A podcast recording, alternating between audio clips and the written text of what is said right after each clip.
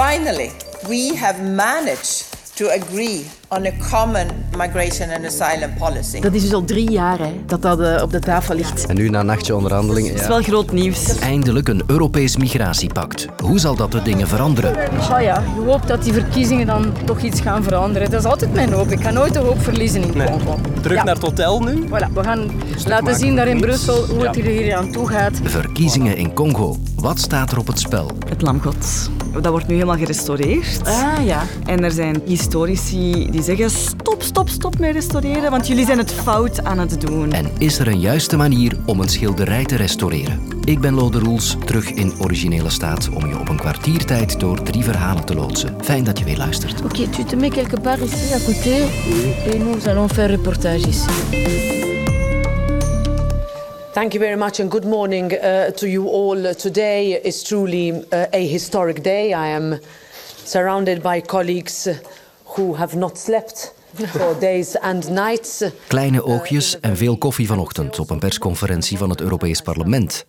Na twee dagen en twee nachten onderhandelen bereikte dat parlement en de lidstaten een akkoord over een hervorming van het asiel- en migratiebeleid van de Europese Unie. Doel is om de illegale migratie naar Europa in te dammen. We have finally delivered uh, on uh, the Migration and Asylum Pact. Het getouwtrek daarover duurt eigenlijk al tien jaar, sinds de grote migratiecrisis van 2013. Toen honderdduizenden migranten via de Middellandse Zee en later ook via de Balkan richting Europa trokken. Wherever you are from, do not come to Europe. Hoe moet Europa deze massale volksverhuizing aanpakken? Een vraag waar maar geen antwoord op komt. Ook in Duinkerke en Calais, op amper twee uur rijden van Brussel, blijven tentenkampen zoals de jungle aangroeien. In 2020 stelde de Europese Commissie haar plan voor. It's unthinkable that this Europe in 2020 still does not have a migration and asylum policy. Sindsdien wordt er onderhandeld. En nu is er dus een akkoord. Ik had daarover drie vragen voor Jeroen Rijgaard van onze buitenlandredactie. 1. Welke afspraken staan er in het plan? Wel, het allerbelangrijkste is zeker dat er eh, strengere controles komen aan de buitengrenzen van de Europese Unie. Dus wie daar aankomt, bijvoorbeeld Griekenland, bijvoorbeeld Italië, die zal onmiddellijk een versnelde procedure moeten doorlopen. Waar ja, bij gekeken zal worden van maakt die persoon hoegenaamd kans op asiel. En iedereen die uit een zogenoemd veilig land komt, dus geen kans maakt op asiel, eh, die zal opgesloten worden en zo snel mogelijk teruggestuurd worden. Maar de bedoeling is om dat zo snel mogelijk te doen. Dus het is niet de bedoeling dat je daar jaren terechtkomt in detentiecentra aan de Europese buitengrenzen. Dus eh, het is wel echt de bedoeling, een snelle procedure en snel terugsturen. The agreement provides for strong solidarity mechanism where we ensure that member states always get the support we need. Daarnaast is er ook beslist ja, dat Europese landen solidariteit gaan tonen met elkaar. Hè. Dat niet de landen waar eh, de migranten en de vluchtelingen aankomen alles moeten doen. Eh, er komt een spreidingsplan volgens een vaste verdeelsleutel naar hoeveel eh, asielzoekers een land in principe moet opnemen. Ons land zou bijvoorbeeld 3,2 procent van de Europese eh, asielzoekers moeten opnemen in dat geval.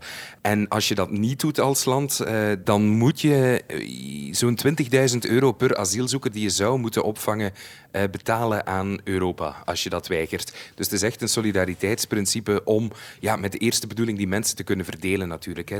2. Zal het plan werken in de praktijk? Ja, in principe is het de bedoeling om ontraden te gaan werken. Hè. Dat zegt ook eh, onze staatssecretaris. Ehm, je zou nog altijd even goed kunnen aankomen op die plaatsen eh, zoals Lampedusa of zoals Griekenland en daar dan die versnelde procedure doorlopen. Maar de bedoeling is eigenlijk ja, om het signaal te geven van kijk, als je in Europa toch geen kans hebt op asiel, als je economische migrant bent, hè, zoals bijvoorbeeld eh, ja, genoemd wordt als voorbeeld, ja, dat het dan op termijn duidelijk wordt van ja, het heeft geen zin om het te proberen, want we worden toch snel teruggestuurd nadat we eerst opgesloten worden aan de Europese buitengrenzen. Eh, ik denk dat er veel zal van afhangen van één, hoe groot de instroom is, eh, om het te kunnen blijven controleren.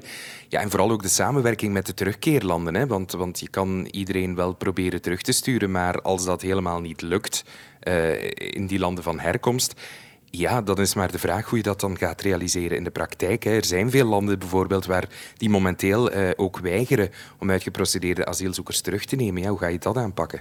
En drie, wat betekent dit voor ons land? Wel, eh, als dit plan er komt, dan zou, als je vergelijkt met dit jaar bijvoorbeeld, er een pak minder asielzoekers opgevangen worden.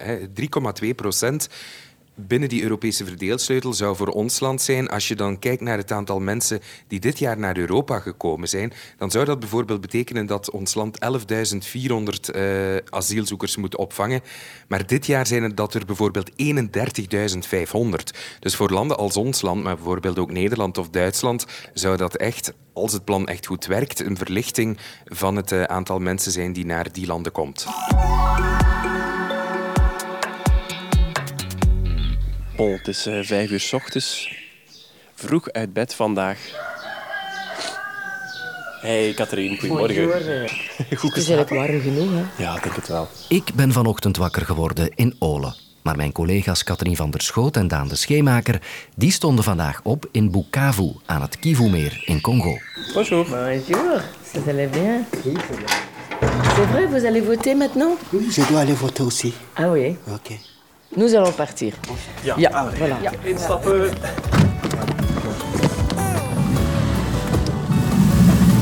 Voilà, weg zijn we. Want in Congo zijn er vandaag presidentsverkiezingen. De huidige president Tshisekedi neemt het op tegen meer dan twintig andere kandidaten. En zo'n verkiezingsdag, dat is een enorme organisatie en een uitdaging ook in een land met meer dan 100 miljoen inwoners, waar corruptie, ongelijkheid en geweld nog vaak de orde van de dag uitmaken. Nous sommes arrivés au bureau de vote. Ah, hier zijn we aan het stembureau. Meer dan 600 zijn het er hier in Bukavu. En ik ben echt wel benieuwd of uh, ze overal hun kiesmateriaal hebben gekregen. En zeker, we kijken hier uit op de heuvels achterin ja, zijn daar alle kisten geraakt die we gisteren hebben zien staan in de kiescommissie. Ja, een controle is er toch wel vanmorgen hier al heel vroeg. Uh, zowel getuigen van politieke partijen als uh, mensen van een burgerbeweging hier uh, vlak voor mij. Je peux demander pour qui vous allez voter Oui, oui. je vais voter pour le numéro 3. C'est Katumbi. Hein? Et pourquoi euh, Justement, parce qu'il a bien construit le Katanga. C'est parce que Dieu lui-même le veut. Een beetje een warrige uitleg, maar uh, hier wordt toch uh, nog heel veel gedomineerd door uh, het geloof. kerken springen hier als paddenstoelen uit de grond. En velen beroepen zich op het geloof om voor de ene of de andere te stemmen. Deze man stemt voor nummer drie, Katumbi, omdat God wil dat hij verkozen wordt. Hallo, hallo. Ja, hallo, dag Lode. Hey Katrien, hoor je mij? Ja, ja, we zijn hier omringd door, uh, denk zo 500 man ongeveer. Lukt het om nu op te nemen? Ja. Waar sta je nu? Kan je dat even situeren? Ja, ik sta hier in een uh, hoger opgelegen wijk, uh, Amani Chai. Hier in de kieslokalen is het echt drummen. De mensen vinden hun namen niet. De lijsten zijn niet goed ge, op orde gezet, gealfabetiseerd. Uh, ze zijn aan het duwen en aan het trekken om binnen te geraken. Hier binnen zit ook onze chauffeur, die is gaan stemmen.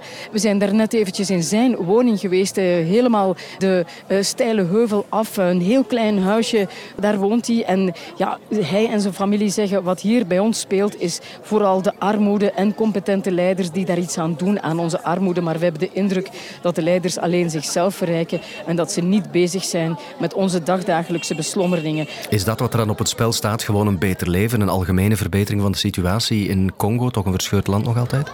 Ja, absoluut. Nu, we zijn hier in het oosten natuurlijk, hier aan de overkant van het meer Noord-Kivu.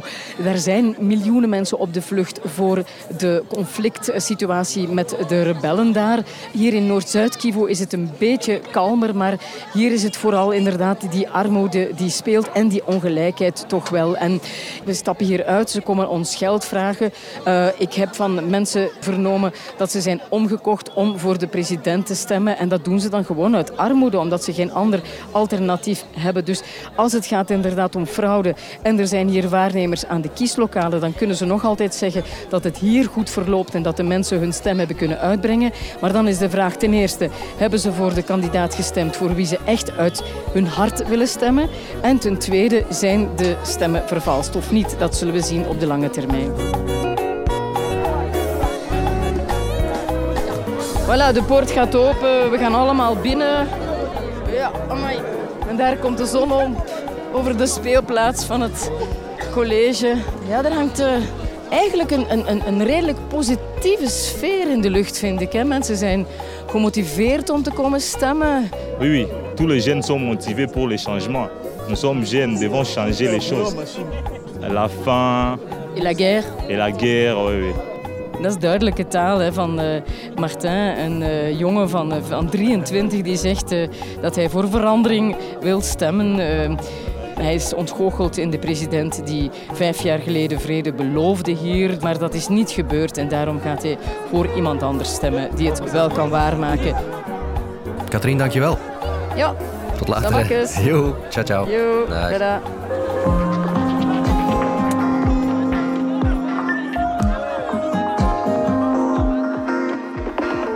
Het Lam Gods van Jan van Eyck bevindt zich te Gent in de Sint-Baafskathedraal. Het Lam Gods. Ons bekendste schilderij van de gebroeders van Eyck, Vlaams erfgoed puur Daar gaan we het nu over hebben. Zo haast het veelluik opengaat, staat de toeschouwer verbaasd door het kolossale en het plechtige van de hele compositie. Door de lichtende en schitterende kleurenbeelden. Door de duizenden details die tot in het oneindige de aandacht en de verwondering wekken. En meteen door de stichtende geest die het geheel doordringt. En die lichtende en schitterende kleurenwereld, die wordt gerestaureerd. Al sinds 2012 is een team van experts daarmee bezig. En vandaag is het trouwens nog altijd niet helemaal klaar. Al hangen er intussen wel al enkele afgewerkte panelen terug in de Sint-Baafskathedraal in Gent. Maar toen professor emeritus in de kunstgeschiedenis Helijn Verhouwstraten die zag hangen, schrok ze zich een ongeluk. Volgens haar wordt de restauratie niet juist uitgevoerd. Sterker nog, het schilderij zou zelfs beschadigd worden. Dat konden die restaurateurs niet zomaar laten passeren. Ze maakten een uitgebreid rapport waarin ze al hun keuzes toelichten. En nu is de conclusie van nationale en internationale experts duidelijk. Wat de restaurateurs hebben gedaan, is wel juist. Het zou heel raar geweest zijn mocht er geen kritiek op komen. Het is het topwerk, een van de belangrijkste kunstwerken uit West-Europa. Van het moment dat ook maar iemand daar zelfs nog maar over schrijft, krijg je een hele polemiek. Laat staan als je daar gaat op ingrijpen. Is het nu correct gerestaureerd of niet? Daar gaat het dus over. Ik ben Geert van der Snicht en ik ben professor in de erfgoedwetenschappen aan de Universiteit Antwerpen. En ik heb hem gecontacteerd omdat ik wilde vragen: bestaat dat eigenlijk wel? Een juiste manier om een schilderij te restaureren?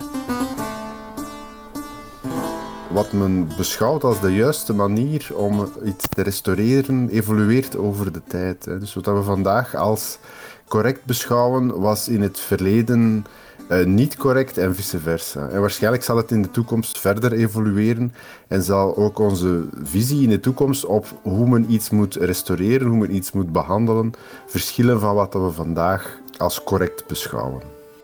Vroeger waren restauratoren eigenlijk mensen die ik spreek daar van heel lang geleden. Hè, eh, die geen opleiding hadden, die vaak opleiding hadden bijvoorbeeld als schilder en die zelf aan de slag gingen als restaurator en zo een beetje hun eigen methodieken ontworpen daar zijn we nu volledig van afgestapt. Restauratie is een wetenschap geworden, is iets wat je doet niet met try and error, maar gebaseerd op onderzoek en met kennis die wordt gedeeld, zoals dat bij een, normale wetenschap gaat.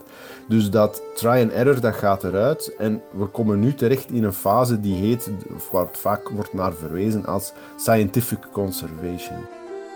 En vaak heb je dan ook nog bij zeer oude objecten ook een heel lange restauratiegeschiedenis. Dus daar is laten we zeggen, grosso modo rond de 50 jaar op ingegrepen op die objecten.